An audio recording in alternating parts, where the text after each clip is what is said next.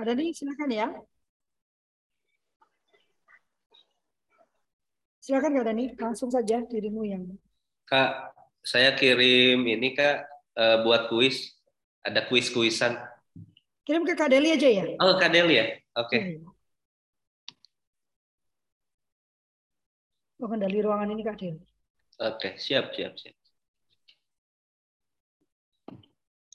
Kak, Kak Rusmin, Kak Dani mau memulai atau saya dulu? Aku lempar ke Kak Dani gimana? Hari ini kalau oh, dulu ya.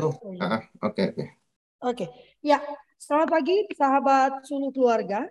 Uh, kita bertemu kembali dalam kultur parenting pagi. Mohon maaf ya, sebetulnya saya tuh udah menyiapkan gitu. Bagaimana cara menyapa pagi. Tapi nanti ujungnya balik lagi ke gitu-gitu lagi. Maaf ya, nanti saya latihan lagi ya. Kita bertemu kembali dalam kultur parenting pagi yang hari Rabu kemarin ayo ada yang perhatikan nggak? Hari Rabu kemarin nggak ada kultur parenting pagi ya karena uh, pembicaranya mendadak tidak bisa uh, malamnya dia memberitahukan sementara pagi subuh subuh saya sudah harus berangkat ke Kemendikbud jadi saya pikir uh, mungkin bisa uh, ber, kalau memandu bisa dari mana saja tapi kalau menjadi pembicara sekali sekali memandu ya kak Dani dari dalam mobil itu agak-agak uh, apa uh, kurang nyaman. Jadi saya memutuskan untuk libur hari itu ya. Tapi hari ini sahabat saya yang uh, apa yang luar biasa ini, yang sebetulnya kemarin bareng sama saya juga ya, uh, dua uh, subuh-subuh sudah ada di Kemendikbud ya. Demi apa coba ya? Lalu langsung ke Bogor untuk uh, untuk penyusunan draft ke Permendikbud. Pagi ini dia akan berbicara tentang masih tentang ketangguhan. Ini hari terakhir untuk topik ketangguhan ya. Uh, bicara tentang ketangguhan karena beliau juga seorang coach ya. Kak Irfan ini selain pemilik uh, pendiri dan pemilik uh, serta pengelola gabung semuanya dari Pride Homeschooling yang mana salah satu pilar dari Pride itu adalah coaching ya Kak Irfan. Jadi salah satu pilar dari itu adalah coaching baik kepada orang tuanya juga kepada anak-anaknya. Dan uh, apa salah satu pilar yang beliau uh, apa yang beliau selalu ceritakan ke saya ya adalah mengenali kekuatan diri anak itu dulu ya. Uh, aku lupa ya biasa kalau saya datang ke kantor dia itu banyak banget itu tempel-tempelannya gitu langkah-langkah coaching dia ya. Uh, dan menurut saya ini sangat menarik gitu Bagaimana nanti kemudian kita akan melihat uh, apa sih kaitan antara kekuatan diri karena sejak saya kecil aku nggak tahu ya anak-anak zaman sekarang apakah sudah berubah ya tapi kalau dulu kalau kita diminta untuk menyebutkan kekurangan ya 10 kekurangan kita bahkan bisa menyebutkan 15 sampai 20 dengan cepat. Tapi kalau kita disuruh menyebutkan kelebihan, 10 kelebihan, bahkan tiga pun kita struggle sekali gitu untuk menemukan tiga kelebihan kita. Dan saya rasa bagi saya, ini pendapat saya itu adalah salah satu sumber maka mengapa ketangguhan kita itu menghilang. Nah, pagi ini Kak Irfan akan menyampaikan apa sih korelasi dan pentingnya menemukan diri, menemukan uh, uh, kekuatan diri terlebih dahulu sebelum bisa menjadi tangguh. Kak Irfan silakan. Tuh, Kak Irfannya malah kelempar ya. Ya, Kak uh, Kak siapa? Kak Irwan ada di situ? Belum masuk lagi ntar. Iya makanya. Oh ini udah masuk lagi nih Kak Irfan nih. Kak Irfan belum tergabung dengan belum joining dia. Ya, saya rasa uh, topik hari ini cukup menarik ya karena uh, bagaimana kita menemukan kekuatan kita jadi bukan menemukan ya, beda ya. Kalau menemukan berarti nggak ada, lalu diciptakan, di-create ya. Kalau bagi saya eh, kita perlu menemukan kenali eh, apa eh, kekuatan-kekuatan kita sebelum kemudian kita bisa punya enough confidence ya, rasa percaya diri yang cukup untuk menjadi tangguh. Kak Irfan masih belum bergabung ya, dari ya aku sampaikan.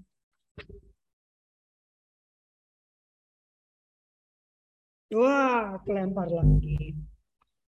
Wow, hari ini memang mungkin banyak yang nggak datang juga karena sinyal kali ya. Uh, kita tanya pendapat dulu deh. Bagaimana pendapat teman-teman di sini? Ada siapa sih? Ada Kak Vivi, ada Kak Hajrul. Selamat pagi Kak Hajrul. Oh ini Kak Irfan berusaha masuk lagi ya.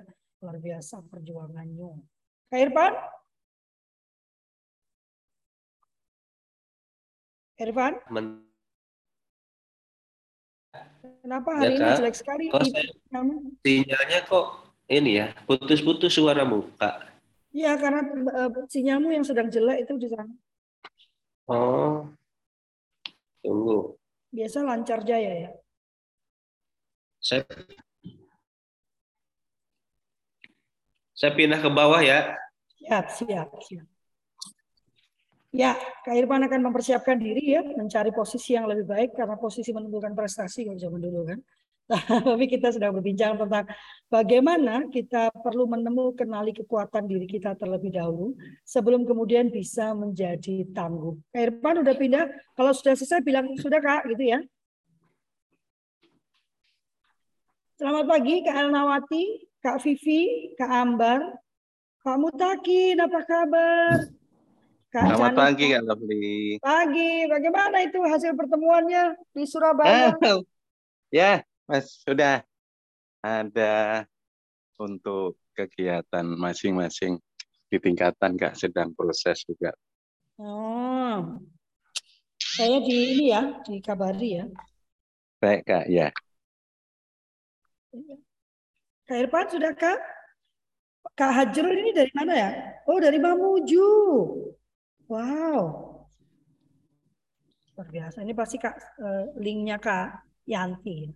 Selamat pagi Pendeta. Kita menunggu Kak Irfan mempersiapkan dirinya. Dia masih mencari posisi yang paling baik untuk sinyalnya ya. Karena pagi ini beliau akan menyampaikan materi. Uh, beliau akan berbagi tentang ilmunya karena beliau seorang coach juga, juga seorang pengelola uh, dan pemilik dan juga pendiri dari Pride Homeschooling di mana salah satu pilar Pride Homeschooling itu adalah coaching ya. Jadi dia akan menunjukkan bukan tentang coachingnya, tetapi mengapa sih uh, kita tuh perlu uh, mengenali, menemukan kekuatan diri kita agar kita bisa menjadi tangguh gitu.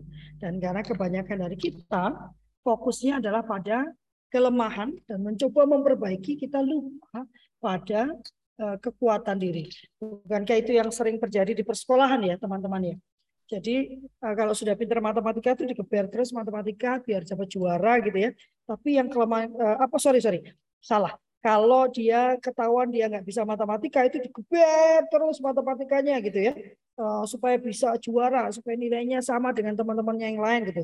Tapi kekuatannya diabaikan gitu sehingga anak itu makin merasa bahwa dia itu sepertinya memang uh, begitulah ya apa uh, tidak bisa apa-apa gitu. Kak Irfan udah kan? Uh, sudah kak. Uh, syukurlah lama-lama bisa kata-kata aku. Uh, sudah, sudah. Tapi agak gelap ini. Gak apa-apa. Silakan kak. Uh, baik, uh, selamat pagi, salam sejahtera untuk kita semua. Kalau Fli dan kakak-kakak semua yang berbahagia, yang saya hormati uh, hari ini saya izinkan saya sharing mengenai tema pagi hari ini berkaitan dengan uh, potensi ya atau kekuatan atau keunggulan. Betul apa yang tadi disampaikan Kak Lopli, sering kali ketika kita atau anak-anak kita ditanya, apa sih keunggulan dari kita atau dari anak-anak kita? Seringkali kita bingung menjawabnya. Uh, mohon izin uh, Kak Deli bisa tolong bantu saya uh, share kuis Kak.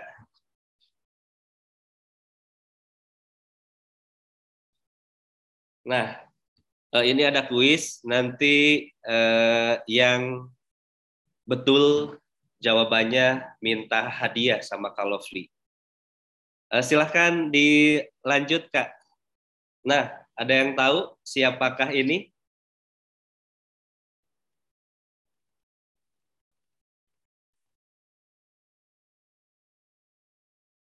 Ada yang tahu siapakah Taufik ini? Hidayat. Taufik Hidayat. Betul kalau Fli? Ya, coba dis uh, lanjut. Kayaknya sih mirip-mirip sih. Ya, oh, betul. Iya.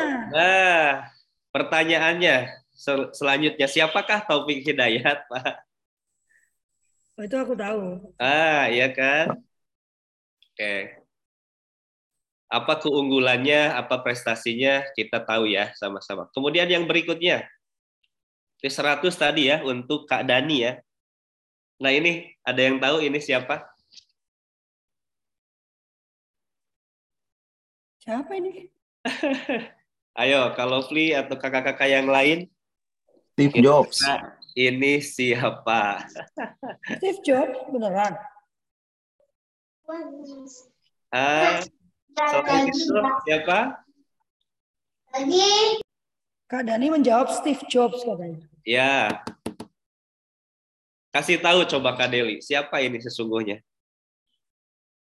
Oh. Ya, itu. Kita tahu bersama ya siapa Busuk beliau. banget ya masa kecilnya. Lanjut. Nah, kira-kira ini siapa nih? Ini laki-laki atau perempuan ya, Kak Deli ya? Laki lah. Laki ya. Siapa kalau kalau laki? Kayaknya laki-laki semua ini. Iya nih. Siapa kak? Ini ada Kak Irwan sekarang Kak Irwan kayaknya nggak ada di situ deh, cuma namanya doang deh. Kak Ferry, Kak Canita, Kak Ajrul, ayo mencoba. siapa ini? Siapa? Anak siapa ini? Ada Tidak kenal, tidak tahu. Ini masa kecilnya siapa ini? Kalau Anak siapa ini? Ya, lanjut Kak. Oh, Wah. eh, kecilnya ganteng bener ya. Udah dewasanya tidak terurus ya Kak ya. Terlihat dari rambutnya. Oke, lanjut. Atau nah, ini Oh. siapa nih? Lebih metal lagi nih kayaknya nih. Aku Metal. tahu ini Siapa, Kak? Jokowi. Ah, betul. Ini adalah presiden kita. Ya, Kak Deli, betulkah apakah ini Jokowi? Ya, ya betul sekali. Ya, cukup Kak Deli. Eh, nanti mohon izin bantuannya untuk share eh, slide, Kak. Saya di sini trouble. Ya, eh, kakak-kakak semua, Bapak Ibu, eh, dari gambar-gambar tadi kita bisa melihat atau kita bisa tahu siapa mereka, apa potensi mereka, apa kekuatan mereka ya. Nah, seperti yang kita tahu ada Taufik Hidayat, ada Thomas, Alpha Edison, ada eh, siapa tadi Eh, Einstein, ada Jokowi. Nah, mereka itu eh, rata-rata atau bisa dipastikan mereka ada pada posisi yang kita kenal hari ini atau hari-hari sebelumnya mereka ini adalah orang-orang yang memfokuskan dirinya kepada apa yang disebut dengan potensi unggul mereka atau apa yang disebut dengan kekuatan mereka. Kita tahu eh, Thomas Alva Edison adalah eh, homeschooler ya, kalau Fli ya, pada masanya gitu ya, yang eh, tidak nyaman atau tidak merasa terakomodir di persekolahan gitu, akhirnya menarik diri eh, diinisiasi oleh ibunya begitu ya eh, untuk kemudian belajar di rumah dengan bimbingan orang tuanya atau dengan bimbingan ibunya kemudian fokus pada apa yang menjadi minat atau eh, bakatnya si anak gitu kan.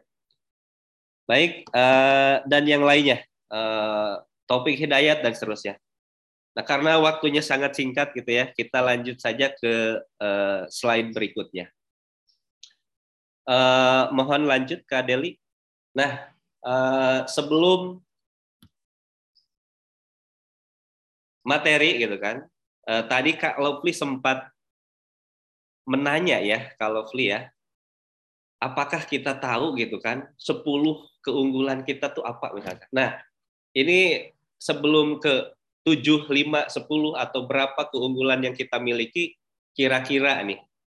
kita itu sudah tahu nggak siapa diri kita sebenarnya gitu kan?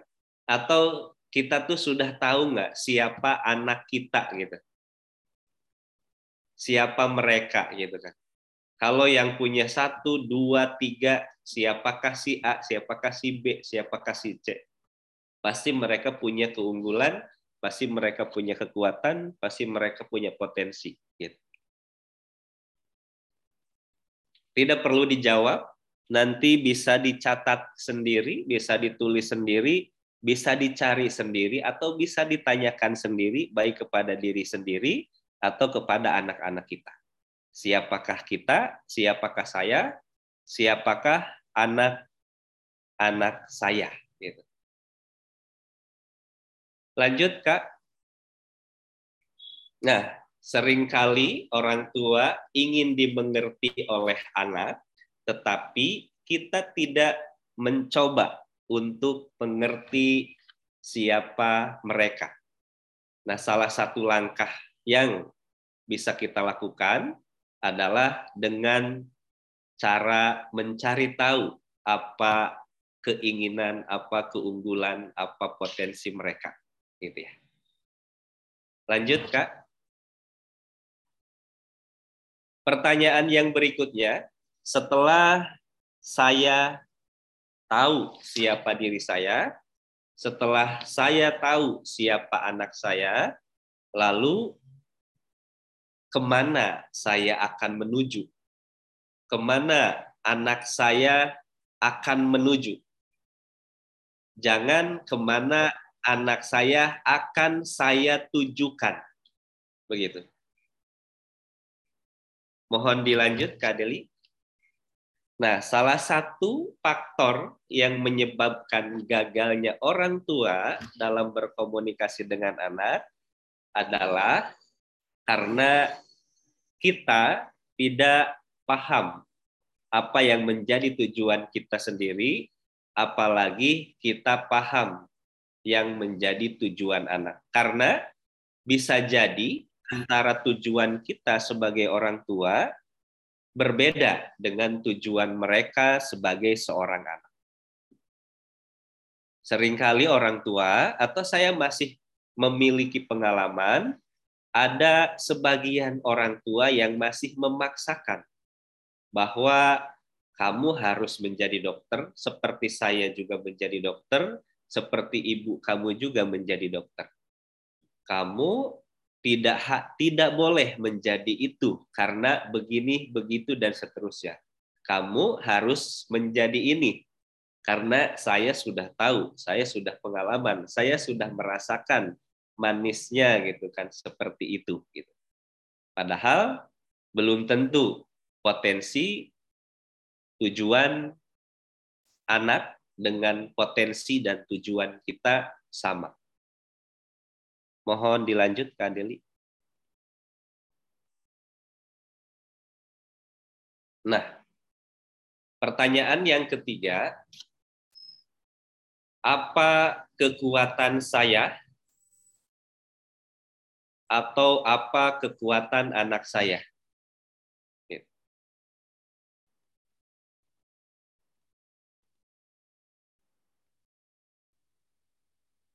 Ya.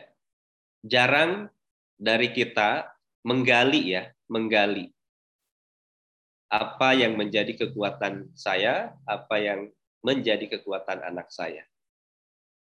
Sering kita terpaksa atau terdampar dalam suatu pulau gitu ya, dalam suatu pulau.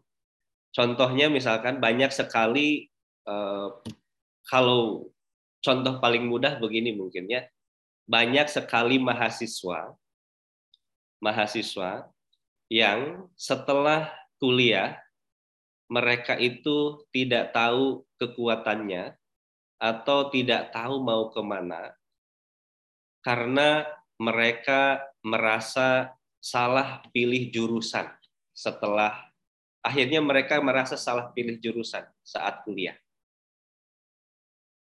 Jadi ada tujuh dari sepuluh mahasiswa dari hasil penelitian yang dilakukan oleh Abah Ramaroyani waktu itu.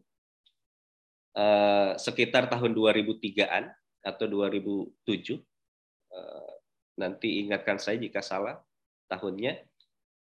Ada tujuh dari sepuluh mahasiswa yang ketika sudah berlangsung perkuliahan merasa anaknya atau merasa dirinya salah memilih jurusan. Ternyata jurusan yang dipilihnya tidak sesuai dengan apa yang menjadi potensinya, apa yang menjadi kekuatannya, apa yang menjadi minat dan bakatnya. Begitu. Nah, akhirnya mereka ya menghabiskan banyak waktu gitu kan untuk hal yang sebetulnya tidak sia-sia tapi tidak akan optimal jika mereka atau jika kita jika anak-anak kita berada pada posisi itu gitu atau pada situasi itu gitu. lalu apa yang harus kita lakukan lanjut Kak Deli mohon Nah, tadi kan sudah ada beberapa pertanyaan. Kita kan sedang membahas eh, apa itu kekuatan atau keunggulan, tapi tadi belum diberikan definisinya. Nah, kira-kira eh, apa sih yang dimaksud dengan kekuatan ataupun keunggulan? Kekuatan atau keunggulan adalah potensi diri yang merupakan kekuatan, kelebihan, atau bakat yang ada pada diri seseorang. Nah, potensi ini, kekuatan ini, kelebihan ini, atau bakat ini, Tuhan telah pasangkan dengan siapa pun manusia yang lahir. Apa pun kondisinya, di mana pun lahirnya, dan seterusnya. Mereka atau kita, manusia pasti memiliki kekuatan, kelebihan, atau bakat Nah, sering kali lagi-lagi saya mengingatkan bahwa kita fokusnya bukan pada apa yang menjadi kekuatan, bukan pada apa yang menjadi kelebihan, bukan pada apa yang menjadi bakat kita. Kenapa demikian? Karena kita tidak yakin, tidak pede dengan diri kita sendiri. Apakah benar saya ini adalah memiliki potensi ini? Apakah benar bakat saya itu adalah ini? Apakah benar saya itu memiliki kekuatan ini? Atau apa begitu ya? Nah, sering kali kita malah ikut-ikutan, terbawa arus gitu kan. Ada teman-teman kita misalkan memilih sesuatu menuju kepada tujuan tertentu, ah karena teman-teman saya juga ke sana, ah karena teman-teman saya juga ke sini dan seterusnya. Daripada saya hanya di sini, saya lebih baik ikut sama teman-teman saya ke sana atau ke mana begitu ya. Padahal tadi teman kita bisa jadi juga belum punya tujuan yang jelas atau sudah punya tujuan yang jelas begitu. Nah, kita sering kali kebingungan baik untuk diri kita, apalagi untuk orang lain, termasuk anak-anak kita. Mohon dilanjut, Kak Deli. Nah, kenapa kita bingung atau kenapa kita ada di persimpangan begitu? Karena kita tidak mengetahui kekuatan. Caranya bagaimana? Ada banyak sekali cara. Ada banyak sekali cara beberapa cara yang bisa dilakukan adalah eh, dapat melakukan observasi, itu bisa bermitra dengan orang lain atau dengan profesi lain, bisa melakukan talent mapping, tes minat bakat, baik itu yang banyak sekali kan eh, mau pakai metode atau metode tes apa begitu ya. Ada talent mapping, ada strength typology, ada stipin fingerprint, ada banyak pilihan. Tergantung kita mau memilih apa. Yang berikutnya adalah coaching. Nah, coaching ini bisa dilakukan oleh kita sendiri sebagai orang tua kepada anak atau kepada orang lain atau kepada diri kita sendiri gitu kan. Itu bisa kita lakukan. Nah, apakah itu observasi, apakah itu talent mapping, apakah itu coaching? Ketiganya dapat dilakukan untuk langkah sebagai langkah awal mengenal atau mengetahui apa yang menjadi kekuatan atau potensi unggul kita. Nah, ini adalah hanya tools. Biasanya ini adalah mirroring kalau talent mapping. Eh, tergantung uh, objektivitas kita terhadap diri kita. Jawabannya akan menggambarkan siapa diri kita. Kalau hasilnya ternyata beda, berarti tanyakan lagi kepada diri kita, konfirmasikan lagi kepada diri kita, kenapa hasilnya bisa berbeda, kenapa rangkumannya atau resumnya bisa berbeda. Jadi eh, talents apa namanya tes itu bukan satu ilmu kanuragan gitu kan yang yang hasilnya pasti benar atau yang selalu benar tapi hasilnya itu sangat ditentukan oleh apa jawaban kita terhadap pertanyaan-pertanyaan yang ada pada kuesionernya gitu. Semakin objektif kita kepada diri kita, maka semakin real uh, hasilnya gitu. Uh, berikutnya Kak Deli mohon bantuan. Nah, kita Eh, memilih menjadi penurut atau menjadi mandiri gitu. Atau anak-anak kita ingin menjadi anak-anak penurut atau ingin menjadi anak-anak mandiri. Tentu jawabannya rata-rata ingin anaknya menjadi seorang yang penurut atau mandiri, Kak. Nah, yang penurut kebanyakan, terutama orang tua yang merasa aduh gitu. Capek ketika anak-anaknya aktif dan seterusnya ya. Padahal menjadi anak-anak yang mandiri itu akan lebih baik. Untuk siapa? Mungkin hari ini tidak baik untuk kita gitu kan rasanya gitu kan tapi di kemudian hari akan sangat baik menguntungkan diri kita sebagai orang tua menguntungkan diri anak sebagai diri dan sebagai bagian dari anggota masyarakat. Gitu.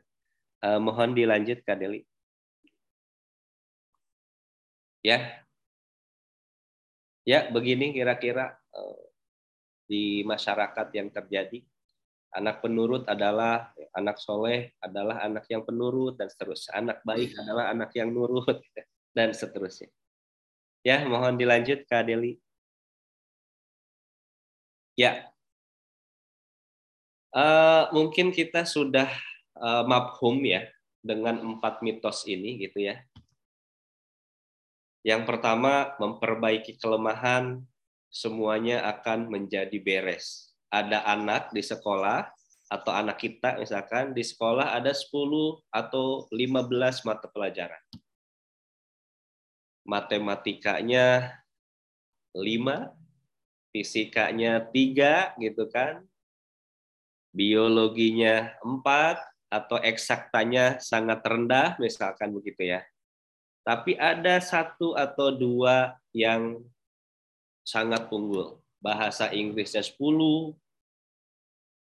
ekskul bolanya 10 misalkan begitu ya.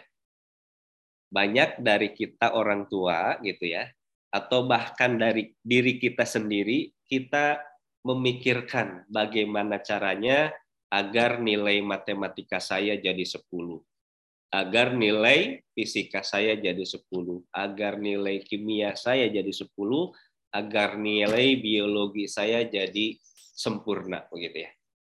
Begitupun juga guru-guru di sekolah gitu kan. Orang tua, guru gitu kan. Kita sendiri fokus pada apa yang menjadi kelemahan kita gitu. Padahal ada satu uh, istilah atau satu bukan peribahasa ya. Uh, asahlah kapak pada sisi tajamnya begitu ya.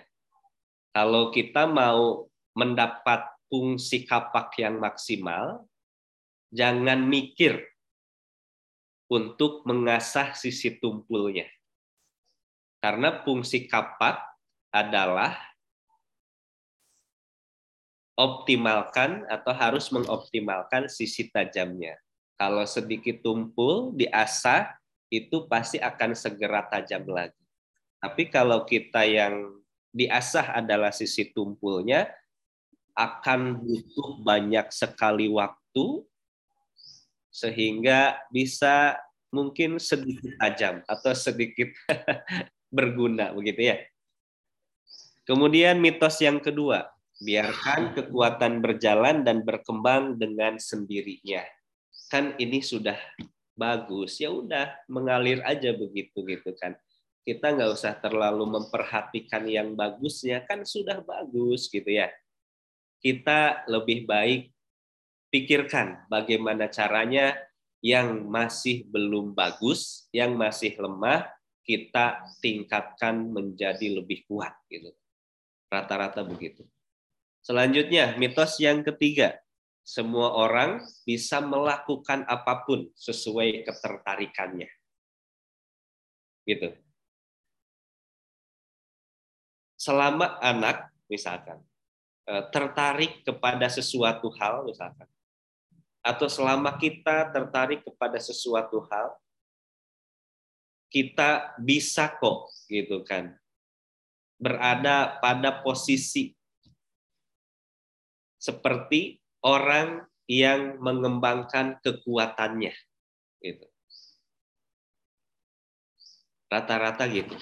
Dan ada beberapa contoh gitu. Kemudian mitos yang keempat semua orang bisa mencapai apa pun impiannya, apa pun tujuannya. Ini ada benarnya gitu ya. Ini ada benarnya, tapi ada tapinya gitu. eh, mohon dilanjut Kak Deli. Tinggal 20 menit lagi ya Kak. Nah, ini dari beberapa mitos tadi ada beberapa pertanyaan atau ada satu pertanyaan. Apakah dengan memperbaiki kelemahan seseorang pasti lebih unggul dari yang lainnya? Atau apakah pasti akan mencapai titik keunggulan yang diharapkan atau bagaimana? Gitu. Jika seseorang dapat memperbaiki kelemahan individunya, maka dia akan menjadi kuat. Apakah dia akan menjadi kuat gitu ya? Kemudian ini individu ya. Kemudian lanjut ke kelompok, misalkan dalam sebuah organisasi. Kalau seseorang memperbaiki kelemahan yang ada di organisasinya, apakah organisasinya akan menjadi kuat? Pada puncaknya, apabila kita bisa memperbaiki semua kelemahan, maka semuanya menjadi sempurna. Itu apa eh, definisi-definisi atau eh, narasi-narasi seperti itu masih banyak uh, terjadi bisa pada diri kita sendiri, pada orang lain atau pada sekelompok orang yang tergabung dalam sebuah lembaga, dalam sebuah organisasi. Mohon dilanjut, Kak. Nah, tadi seperti saya sampaikan sebelumnya ada dua sisi kapak gitu. Ada sisi tajam, ada sisi tumpulnya. Nah, jika kita fokus memperbaiki sisi tumpulnya, seseorang atau sesuatu hanya akan menjadi normal saja atau hanya akan menjadi rata-rata saja. Coba bayangkan butuh berapa lama kita mengasah kapak agar fungsinya mirip-mirip dengan sisi tajamnya. Butuh alat yang baik, yang bagus, yang bisa melancipkan atau menajamkan itu gitu ya. Atau butuh instrumen banyak gitu kan agar uh, dan butuh ikhtiar banyak. Selain waktu, ikhtiar, biaya, alat dan seterusnya yang banyak. Tapi kan Kak gitu kan.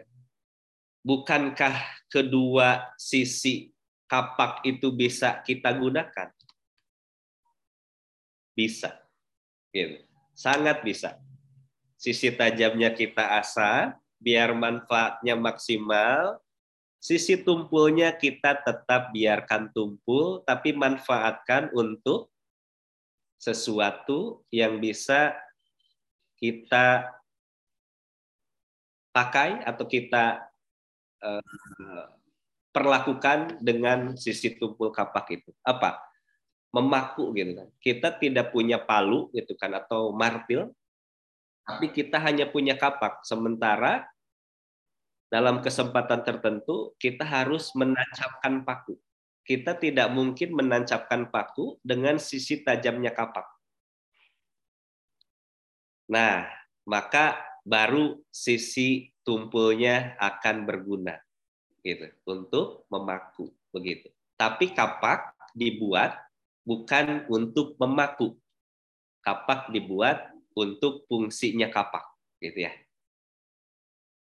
untuk memotong, untuk menembak, dan seterusnya.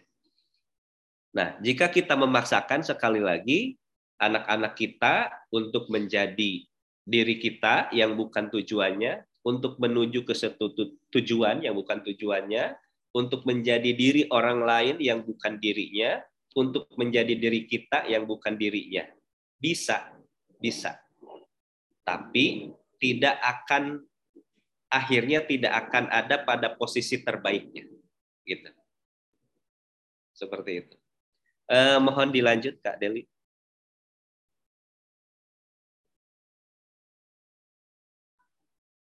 Nah, ini apa namanya? Eh, apa pun siapa pun diri kita, apa pun latar belakang kita, apa pun latar belakang anak-anak kita, apa pun kondisinya, eh, bagaimanapun kondisinya dan seterusnya, salah satu pendekatan yang bisa kita pakai untuk pengenalan potensi anak-anak kita adalah tadi ada observasi, ada talent mapping atau ada tes minat dan bakat, ada coaching. Nah, pendekatan coaching ini dapat kita lakukan dapat kita manfaatkan agar anak-anak kita atau agar diri kita menjadi bangkit, tumbuh, unggul, dan tangguh pada akhirnya. Uh, lanjut kak. Apa itu coaching gitu kan? Nah terus tools apa aja yang bisa dipakai? Uh, lanjut kak. Ya, tool, salah satu tool coaching yang bisa dipakai dalam menggali atau dalam mengenal apa tujuan kita, apa keunggulan kita adalah grow model. Grow model ini banyak dipakai di mana-mana dan sangat familiar, eh, sangat mudah, bisa diterapkan di semua kalangan, di semua usia, dan seterusnya. Gitu. Eh, lanjut, Kak Deli. Ya, eh, ya tadi telesmapping. Lanjut, Kak. Stepin, ya atau tes yang lainnya. Nah, ini grow. Lanjut, Kak. Goalnya apa? G-nya itu adalah goal atau tujuan. Itu. R-nya adalah reality, kondisi saat ini. Jadi, kita harus dapat memastikan setelah kita tahu apa yang menjadi keunggulan atau kan atau kekuatan kita, kemudian kita menentukan tujuan, ke mana arah atau ke mana tempat destinasi yang mau kita tuju, destinasi anak yang mau dituju, kemudian pastikan kita tuh sadar terhadap diri kita hari ini. Sedang ada di posisi mana? Kalau tujuannya ke Surabaya, hari ini saya ada di Depok misalkan. Seperti itu. Saya bisa ke Surabaya naik kereta, saya bisa naik ke, ke Surabaya naik pesawat, saya bisa ke Surabaya naik bis, saya bisa naik eh, ke Surabaya naik Gojek dan seterusnya. Eh, berikutnya option, pilihan solusi. Nah, kalau kita sudah tahu kondisi kita ada di mana hari ini, sementara kita juga tadi sudah menentukan ke mana kita akan menuju, maka rencanakan kira-kira apa pemasti pencapaiannya agar kita tadi sampai kepada tujuan. Begitu. Kalau kita mau tadi ke Surabaya ya bisa naik mobil, naik pesawat, naik gojek, naik bis dan seterusnya gitu kan. Maka nanti kita akan pilih di sini. Option itu pilihan solusi. Ketika ada opsi-opsi, kira-kira kalau kita sudah tahu siapa diri kita, kita akan dengan sangat mudah memilih opsi mana yang mau kita pakai ketika kita mau ke Surabaya, begitu ya. Karena itu akan berkaitan dengan bekal, dengan eh, lain-lain eh, gitu ya, semuanya. Lanjut berikutnya. Nah, banyak orang yang pintar merencanakan sesuatu, memilih solusi tertentu, begitu ya. Oke saya hari ini atau lusa mau ke mana harus seperti apa, apa yang saya butuhkan, apa yang harus saya siapkan agar saya sampai, tapi saat waktunya tiba untuk melakukan perjalanan misalkan ada saja alasan untuk menundanya gitu. Sehingga harusnya lusa itu sampai misalkan atau hari ini sampai ke Surabaya tapi karena kita menundanya maka kita tidak akan sampai-sampai ke sana gitu atau paling tidak sampainya terlambat begitu ya. Baik, lanjut Kak Deli mohon bantuannya. Ya, lanjut saja Kak.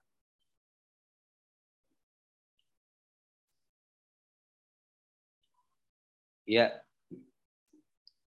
Nah, ini kalau sudah memilih tadi, kira-kira apa motivasi terdalam kita dalam memilih tujuan gitu. Baik itu mimpi, profesi, kegiatan begitu ya, atau apa pun itu. Motivasi kita tuh apa gitu kan. Seperti itu. Atau motivasi anak kita itu apa? Kenapa mereka, kenapa anak-anak kita memilih ini, menuju ke sana dan seterusnya jangan kita merasa sebagai orang tua merasa diri paling punya pengalaman, merasa diri paling pintar. Gitu. Saya kan orang tua gitu kan. Sudah punya pengalaman gitu. Kamu kan belum jadi orang tua. Iya, betul Bu, betul Pak gitu kan. Betul Mah, betul Pak. Bapak, Ibu gitu kan. Sekarang menjadi orang tua saya dan saya belum pernah punya pengalaman menjadi orang tua atau jangan-jangan saya tidak akan pernah sampai menjadi orang tua gitu ya.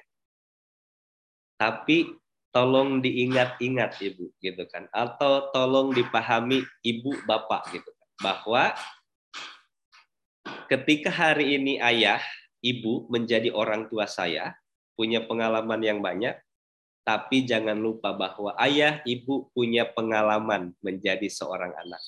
Gitu.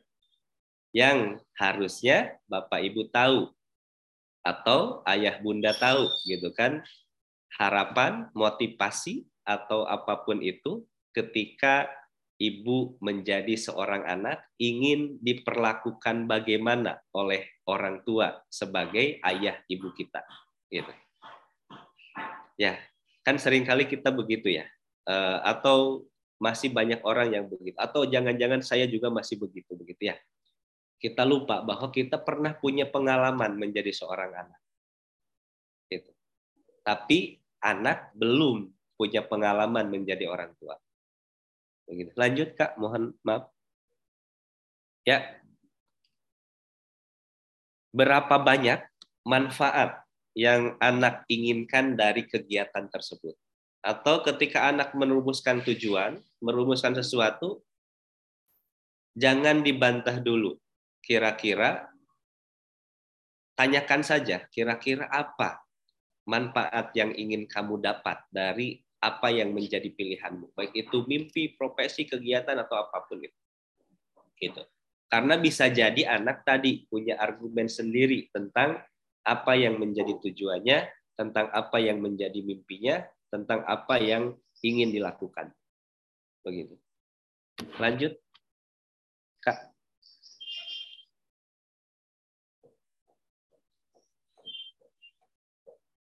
Ya, lanjut. Ya, ini hanya tools aja ya, bisa dilakukan dengan SWOT analisis ya. Ini uh, belajar ini dari SMA gitu kan, tapi hanya tahu artinya saja. Gitu. Kita lemah dalam apa eh, eksekusi biasanya. Ya, lanjut Kak Deli. Ya, lanjut ya itu. Nanti ini ini bentuknya form ya. Nanti bisa diisi sendiri atau bisa pilih form lain. Lanjut, Kak. Ya, lanjut. Nah, ini sering kita tadi sudah meng, kita tahu ngelis kelebihan kita, ngelis kelemahan kita. Nah, ini kita lupa gitu. Kalau udah ngelis ini kita fokusnya ke sini, ke apa? ke kelemahan kita. Aduh, gimana caranya nih agar kita tidak terlihat lemah gitu. agar kita tidak Eh, memiliki kelemahan gitu kan. Padahal dengan fokus ke sini kita akan meninggalkan ini gitu. Tadi eh, rumusnya adalah kembangkan keunggulan atau kelebihan, siasati kelemahan. Siasati fungsi, fungsi kapak saat kita harus menancapkan paku gitu kan. Tanpa melupakan atau tanpa meninggalkan fungsi kapak sesungguhnya. Kalau sudah dipakai gitu kan, eh, maka kembalilah ke fungsi yang sesungguhnya. Lanjut Kak Deli mohon. Ya, lanjut Kak. Lanjut. Ya, lanjut. Ya, nah ini eh, kekuatan itu dapat berupa knowledge, eh, talent atau skill Nah, faktor penentu nanti pada akhirnya anak-anak ini sukses uh, di kemudian hari atau di hari ini adalah uh, beberapa faktornya adalah ini, termasuk yang juga tidak boleh kita lupakan dan bisa jadi ini perannya sangat vital, sangat besar adalah attitude. Jadi di balik semua ini ada attitude. Boleh anak-anak kita pintar, dalam hal akademik, boleh anak-anak kita jago dalam hal mengembangkan skill dan talentnya, tapi jangan lupa anak-anak kita tetap harus memiliki etika yang baik. Eh, mohon dilanjut atau kita sendiri ya.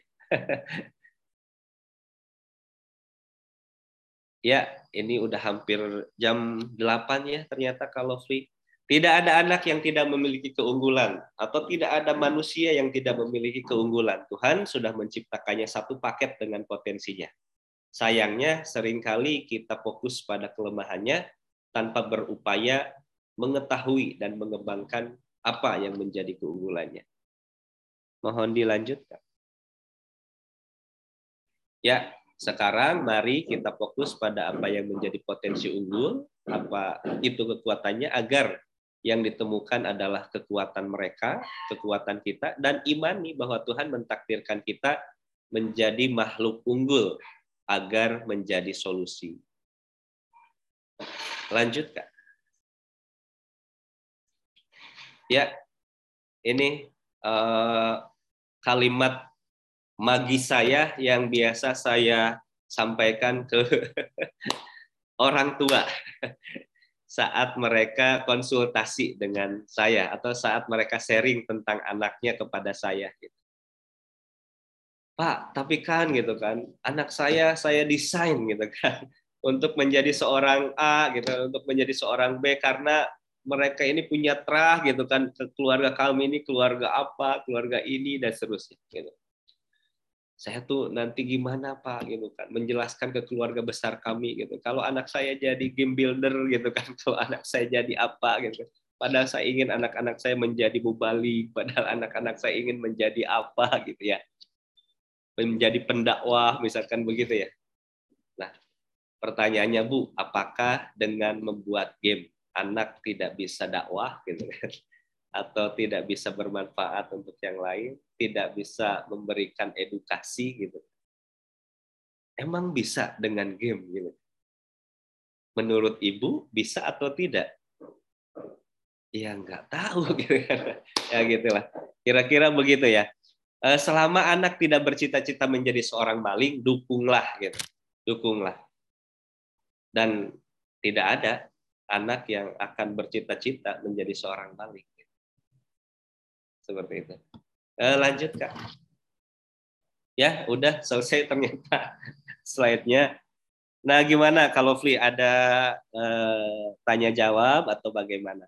Terima ya. kasih itu yang bisa saya sampaikan Kak sementara ini. Ya, terima kasih. Menarik ya. Uh, juga banyak tools yang bisa kita gunakan ya. Saya sendiri juga sudah di coaching, sudah di sama banyak orang dengan berbagai tools ya. Tahu, orang pengen sekali nge-coach saya itu amazing juga ya. Ada teman-teman yang mau bertanya kah? Uh, tadi beberapa hal yang ini ya. Uh, ini Kak uh, Pendeta Min aja menjawabnya mau anak penurut atau mau anak mandiri? Katanya penurut. Ya. Iya. Iya. Kalau yang lainnya bagaimana? Apa yang yang yang disampaikan Kak Irfan ini kemarin menarik karena waktu kita diskusi itu ada pernyataan cita-cita keluarga atau cita-cita anak. Ya, kan? Nah, seharusnya cita-cita keluarga. Dia lah yang mau hidup siapa keluarganya atau anaknya ini. Ya. Mau menyiapkan anak atau gimana ini ada ini loh. Kepala ban Banten. Wah, luar biasa. Luar biasa. Kak Budi. Palapan ini kadang-kadang cuma dari namanya doang. Iya, lagi jalan-jalan ini. Halo, Kak oh. Wah. Sudah sampai puncak belum? Lanjut ke puncak kalau beli. Oh, luar biasa ya. Uh, kenapa kita nggak diajak meeting Sorry ya. puncak ya? ini ini apa uh, rapatnya nyambung rapat keluarga. Oh. Menentukan visi misi keluarga kan? Iya betul. Tidak membuat visi dan arahan pendidikan. Soalnya PAUD dan SD-nya harus diberikan contoh-contoh yang baik. Ya. Kak Vivi tadi udah buka kamera Pak Hajrul? Sudah buka kamera apakah ada yang mau ditanyakan atau disampaikan Kak Vivi? Oh iya Kak, boleh. Kak Hajrul silakan. Ya, makasih Kak uh, Lovely dan Kak Irfan. Uh, tadi uh, materi yang disajikan pagi ini di Kultur Parenting Pagi sangat luar biasa karena uh, ini cocok sekali buat saya sebagai orang tua baru ya, karena anak saya baru mau menentukan Ya, sudah ada yang kuliah, tapi saya ada dua orang uh, yang sementara kelas 3 di Umul Mukminin di Makassar, lalu yang satunya lagi baru masuk kelas 1 SMA. Uh, tadi saya tidak mengikuti full karena ini juga di Mamuju sekarang musim uh, selain musim uh, hujan, musim longsoran, banyak musim bencananya di sini. Jadi sambil mengurusi yang lain sambil tetap uh, memantau apa namanya mengikuti forum ini. Uh, pertanyaan saya itu, saya anak saya ini namanya Aisyah. Saya langsung ke case aja ya. Mungkin saya butuh sekali saran dari Kak Irfan sebentar dan teman-teman semua Bapak Ibu sekalian. Eh, kadang-kadang anak saya ini dia mungkin mengikuti bapaknya yang saya sendiri itu sebagai politisi di sini. Suatu saat uh, itu jam 4 subuh dia nonton nonton eh ngapain Aisyah dan ini nonton pemilu uh, Amerika waktu uh, Donald Trump sama Joe Biden dia punya analisa sendiri. Kalau kami keluarganya ada yang sebagian uh, saat pilih-milih itu milih Pak Prabowo dia milih Pak Jokowi dia udah dia punya pilihan sendiri gitu kayak dalam konteks itu dia sudah mampu berdiskusi Nah, saya terakhir ini menanya dia, kira-kira mau kuliah ke mana? Saya mengarahkannya ke HI, hubungan internasional. Sepertinya minat-minatnya ke sana. Okay. Tapi dia pengen sekali kuliah di psikologi UGM. Hmm. Dia ingin sekali situ. Sebenarnya saya tanya, emang kenapa? Apa targetnya? Menurut dia, ke depan ini orang akan banyak mengalami stres, depresi. Jadi dia tuh udah punya udah punya targetin dan punya uh, alasnya kira-kira seperti apa. Uh, saya tidak tahu yang mau yang saya mau tanyakan itu dengan pola tadi eh, SWOT-nya dan tadi pemetaan itu ini bagus sekali. Mungkin saya juga bisa diberikan share eh, lebih detail. Mudah-mudahan nanti ketepatan agar kami orang tua itu tidak memaksakan cita-cita orang tua padahal anak punya cita-cita sendiri.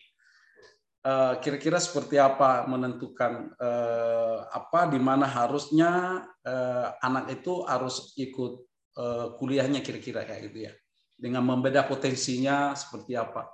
Ini juga banyak menurut saya karena saya biasa banyak mengikuti apa namanya memberikan materi-materi di di kabupaten itu di Mamuju sepertinya pengetahuan terkait dengan uh, parenting soal ini ini sangat dibutuhkan di sini.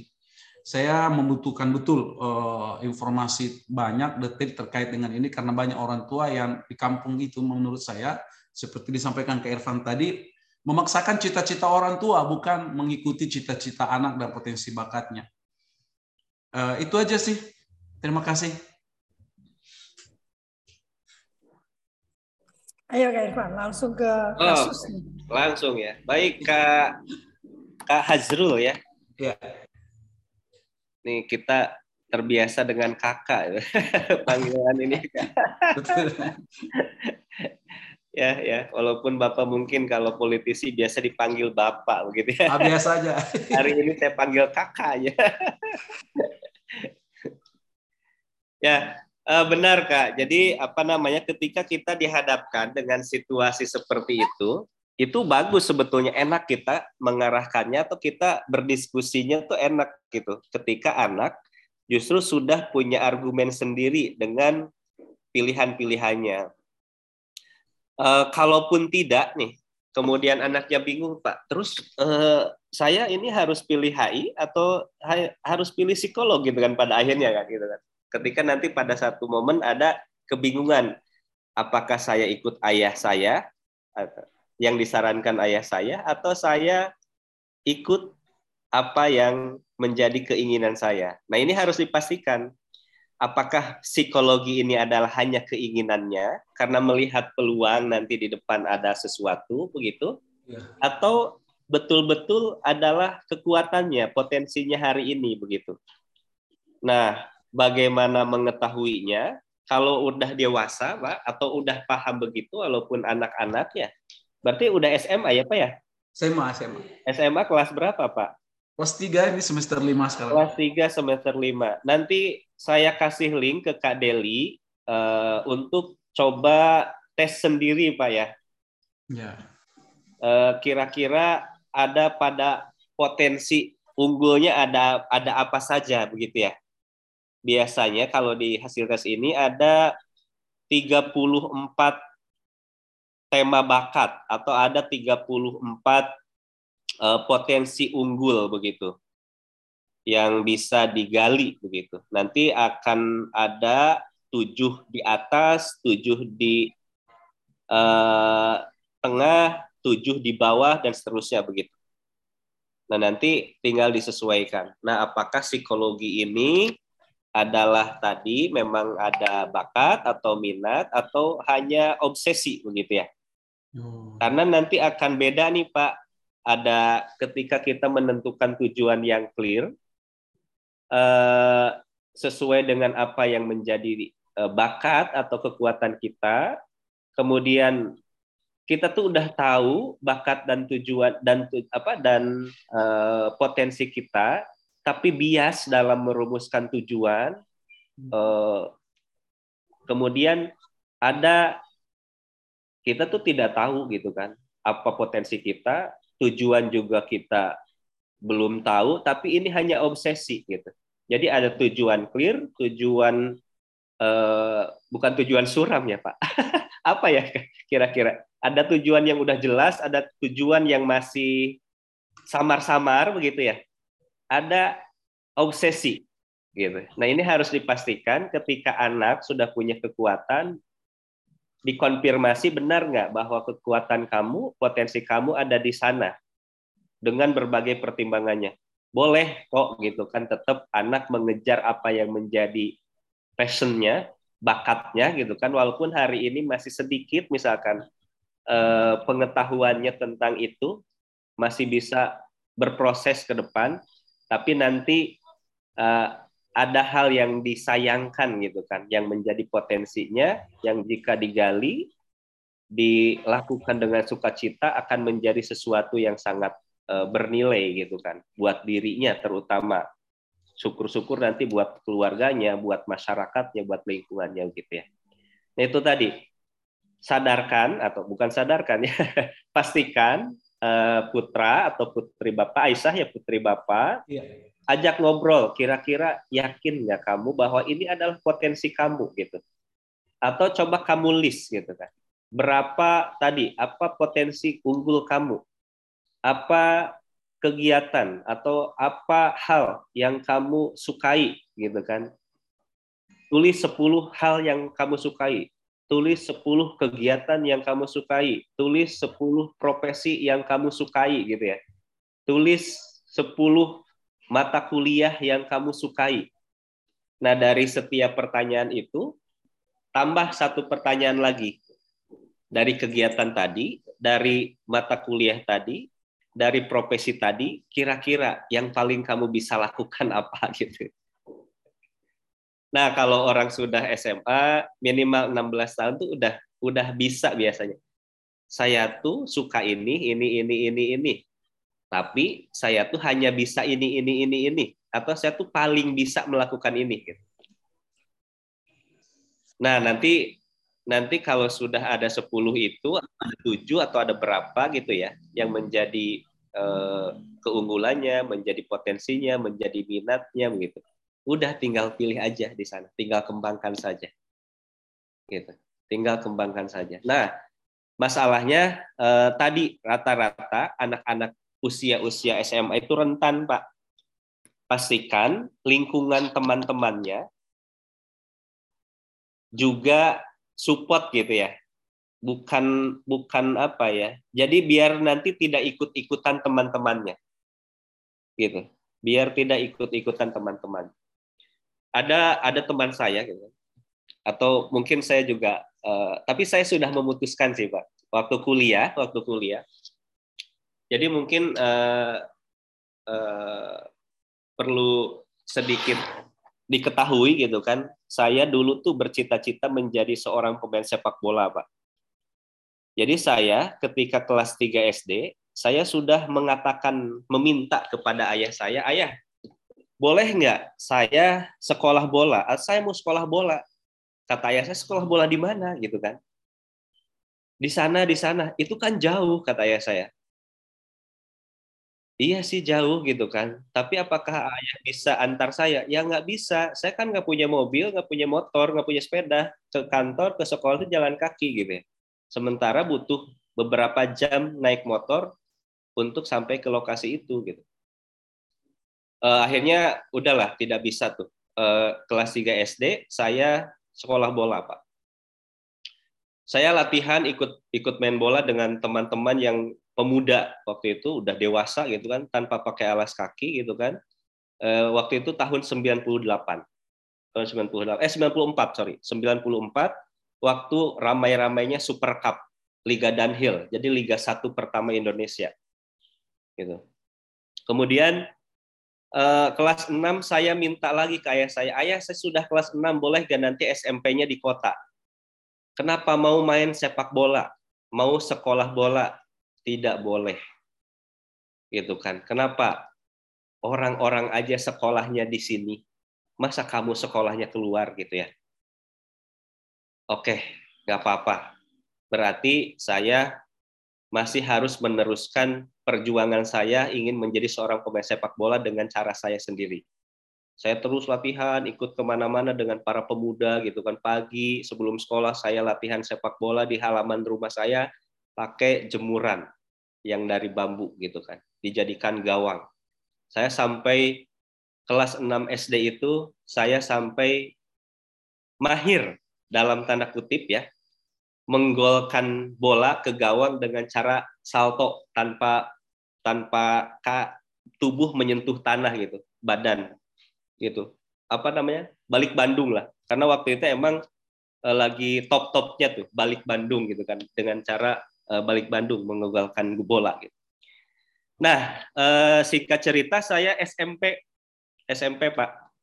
SMP kelas 2 saya terpilih menjadi ketua OSIS Pak. terpilih menjadi ketua OSIS, programnya saya kunjungan sepak bola ke sekolah-sekolah SD apa SMP SM eh, MTS di wilayah itu. Terus kunjungan menggunakan mobil truk pasir gitu kan. Saya bersama teman-teman OSIS dan tim bola saya yang saya bentuk gitu kan. Itu selalu menang, Pak. Sampai eh, di hampir semua kecamatan kita Ciamis itu sudah kita eh, sambangi untuk nantangin bola SMP dan itu menang terus. Sampai pada akhirnya di akhir kepengurusan OSIS gitu saya bingung mau nantang siapa lagi gitu. akhirnya nantang SMA Pak. Nantang dua SMA nah dua SMA ini jangan bayangkan kami menang Pak karena kami kalah. Nah udahlah berakhir kepengurusan OSIS kami. Nah, saya baru diizinkan eh, sekolah di kota itu SMA, Pak. SMA saya izin uh, uh, ke orang tua untuk keluar gitu kan dari rumah untuk sekolah SMA di kota dan mondok gitu ya. Nah tapi saya orang tua kalau anaknya minta mondok kan uh, pasti suka gitu ya. Ya udah gitu kan, oke gitu kan. Mau mondok di mana gitu kan. Padahal saya sudah nulis mondok di sini dekat dengan sekolah bola gitu kan. gitu kan jadi tujuannya tetap sekolah bola gitu. Akhirnya setiap hari Rabu, Jumat saya bolos ngaji, Pak. Bolos ngaji untuk latihan bola. Nah, tapi apakah saya jadi pemain sepak bola profesional? Tidak, Pak. Tidak. Saya hanya jadi pemain sepak bola tarkam yang disewa 25.000 sekali pertandingan. Jika mencetak gol, saya dibayar tambahan 100.000, Pak tapi itu udah seneng banget gitu. Tapi saya tidak jadi pemain profesional. Kenapa? Karena saya datang ke sekolah bola sangat terlambat. Anak-anak yang lain 9 tahun sudah mulai sekolah bola, saya kelas 2 SMA baru sekolah bola. Gitu. Tapi ya kalau tenaga saya adu berani lah ya kan saya dari kampung gitu kan. Tapi skill, Pak skill anak sekolah bola beda dengan skill anak kampung gitu kan yang hobi bola atau yang pengen jadi pemain sepak bola gitu. Kalau lari atau fisik itu saya sangat bisa waktu itu ya. Nah, kemudian saya merubah cita-cita saya. Saya merubah cita-cita saya karena saya tahu, aduh, saya tidak akan dapat mencapai tujuan saya. Gitu. Padahal keinginan saya dan saya tahu sadar potensi saya itu ada di sana gitu. Nah, saya merubah akhirnya milih kuliah di manajemen pendidikan. Pilihan pertama. Kenapa alasannya? Saya harus punya lembaga pendidikan. Seperti keluarga saya juga punya lembaga pendidikan gitu kan, tapi saya harus beda gitu. Nah, akhirnya saya memutuskan untuk kuliah di manajemen pendidikan dengan tujuan saya nanti harus punya lembaga pendidikan, harus mendirikan lembaga pendidikan yang dapat mengakomodir setiap potensi minat dan bakat anak. Itu. Itu baru tersapai di tahun 2017, Pak. Mimpinya atau goalnya. Itu 2017. Akhirnya saya sampai hari ini masih uh, berkecimpung gitu ya untuk memastikan agar anak-anak yang saya didik mereka dapat uh, mengembangkan potensi minat dan bakatnya. Nah, kenapa saya cerita ini, Pak? Kenapa saya cerita ini? Uh, syukur alhamdulillah ya, Pak. Bapak hari ini misalkan bisa bermusyawarah, bisa ngobrol dengan anak-anak Bapak gitu ya, mengenai mereka ke mana, mengenai apa yang menjadi keinginan mereka dan seterusnya gitu ya. Gitu. Nah, itu manfaatkan momen itu Pak. Jangan sampai nanti anak bingung. Sebetulnya saya itu harus ke mana gitu. Kalau misalkan orang tua gitu kan memberikan list pilihan, boleh-boleh saja. Tapi list aja pilihan yang agak banyak, lima misalkan atau tujuh, Pak. Lima atau tujuh, jurusan yang menurut Bapak anak Bapak mampu gitu kan yang Bapak kan observasi kan setiap hari anak ini tuh begini begini begini potensinya ini ini ini bisa observasi dan bisa dikonfirmasi ke anak kan. Menurut pengalaman saya gitu Pak, ini eh, jika kamu punya kemampuan ini, ada beberapa profesi ke depan, ada beberapa eh, jurusan di fakultas yang mungkin bisa kamu coba gitu kan, pikirkan apakah eh, rekomendasi ayah ini sesuai nggak dengan apa yang menjadi pilihan kamu. Tapi kita pilih pilihkan lima yang terbaik, Pak. Apalagi kalau anak menurut Bapak kira-kira apa ya? Kalau udah begitu kasih pilihan-pilihan terbaik, Pak. Nanti biar anak yang menyesuaikan dengan potensinya. Jika anak tadi bingung ya, jika anak tadi jadi kebingungan gitu. Tapi kalau anak saya sudah clear Pak, mau ini gitu kan. Ditanyakan lagi Pak, dipastikan lagi. Jangan-jangan itu ambisi, jangan-jangan itu hanya uh, melihat sepintas gitu kan bahwa jika saya masuk ke atau memilih jurusan ini nanti saya akan begini begini begini begitu itu nanti dipastikan lagi dan itu sangat mudah pak dengan cara ngobrol coaching itu ngobrol aja ngobrol aja merubah pertanyaan eh merubah kalimat informatif atau kalimat instruktif dengan kalimat tanya gitu.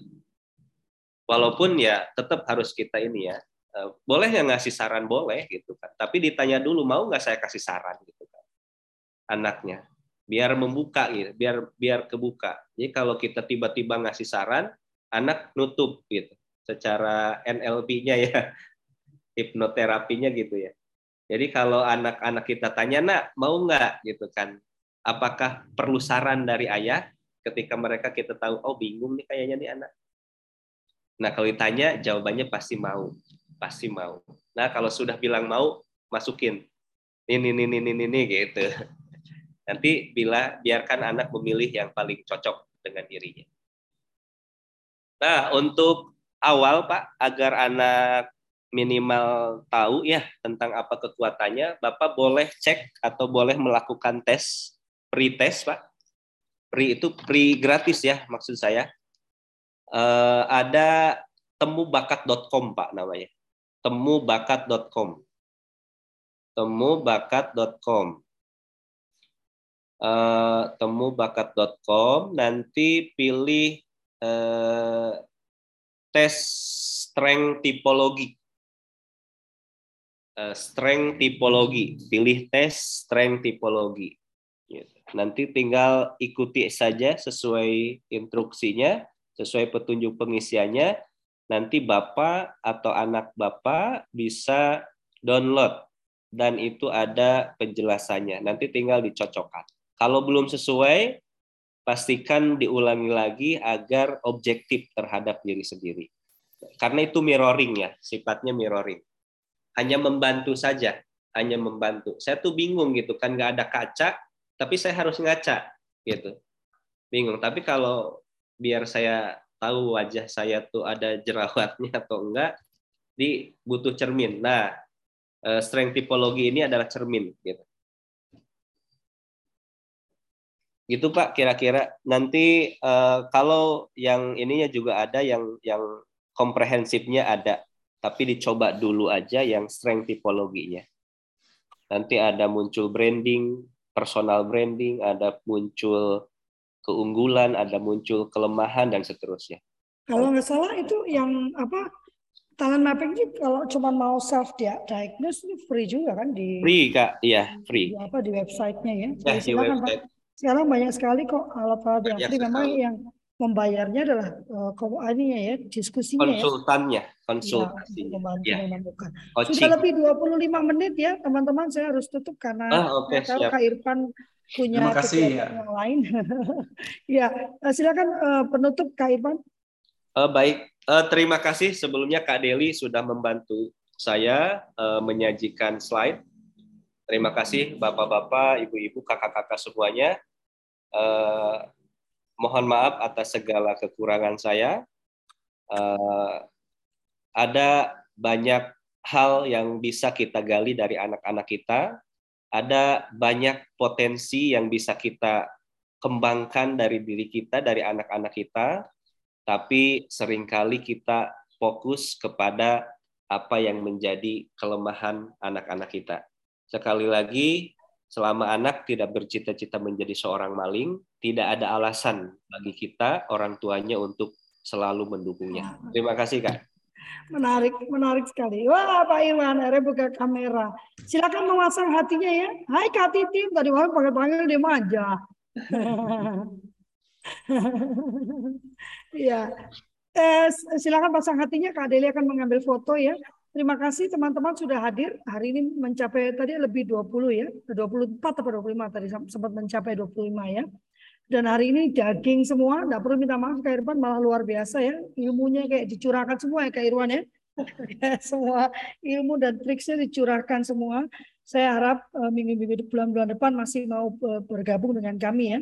Saya rasa kok bulan depan kita akan bicara tentang sekolah rumah ya. Kita bicara tentang homeschooling, tapi tidak hanya bicara tentang apa itu homeschooling, apa-apa ya. Semua aspek akan kita bahas uh, sesuai dengan kekuatan teman-teman masing-masing. Kak Irwan misalnya, nanti bagaimana eh, ketangguhan itu bisa dimunculkan dari keluarga. Homeschooling itu pada dasarnya adalah keluarga. Terima kasih banyak teman-teman. Kami atas nama seluruh keluarga mengucapkan terima kasih dan memohon maaf yang sebesar-besarnya apabila ada pernyataan, perkataan, sikap, atau gestur yang kurang berkenan. Kami tidak ingin merendahkan, tidak ingin memojokkan, tidak ingin menghakimi, juga tidak bermaksud menggurui. Kami hanya membagikan apa yang menjadi keyakinan kami dan yang kami kerjakan dalam kehidupan kami sehari-hari. Terima kasih Kak Irfan, terima kasih semua. Kasih. Wassalamualaikum warahmatullahi wabarakatuh. Selamat oh. berakhir pekan. Okay. Selamat dari Kupang. Tuhan berkati kita amin, semua. Terima kasih ya. Kak Irfan terima kasih ya. Ya, Kak Irfan terima kasih. Ya, ya. Terima kasih.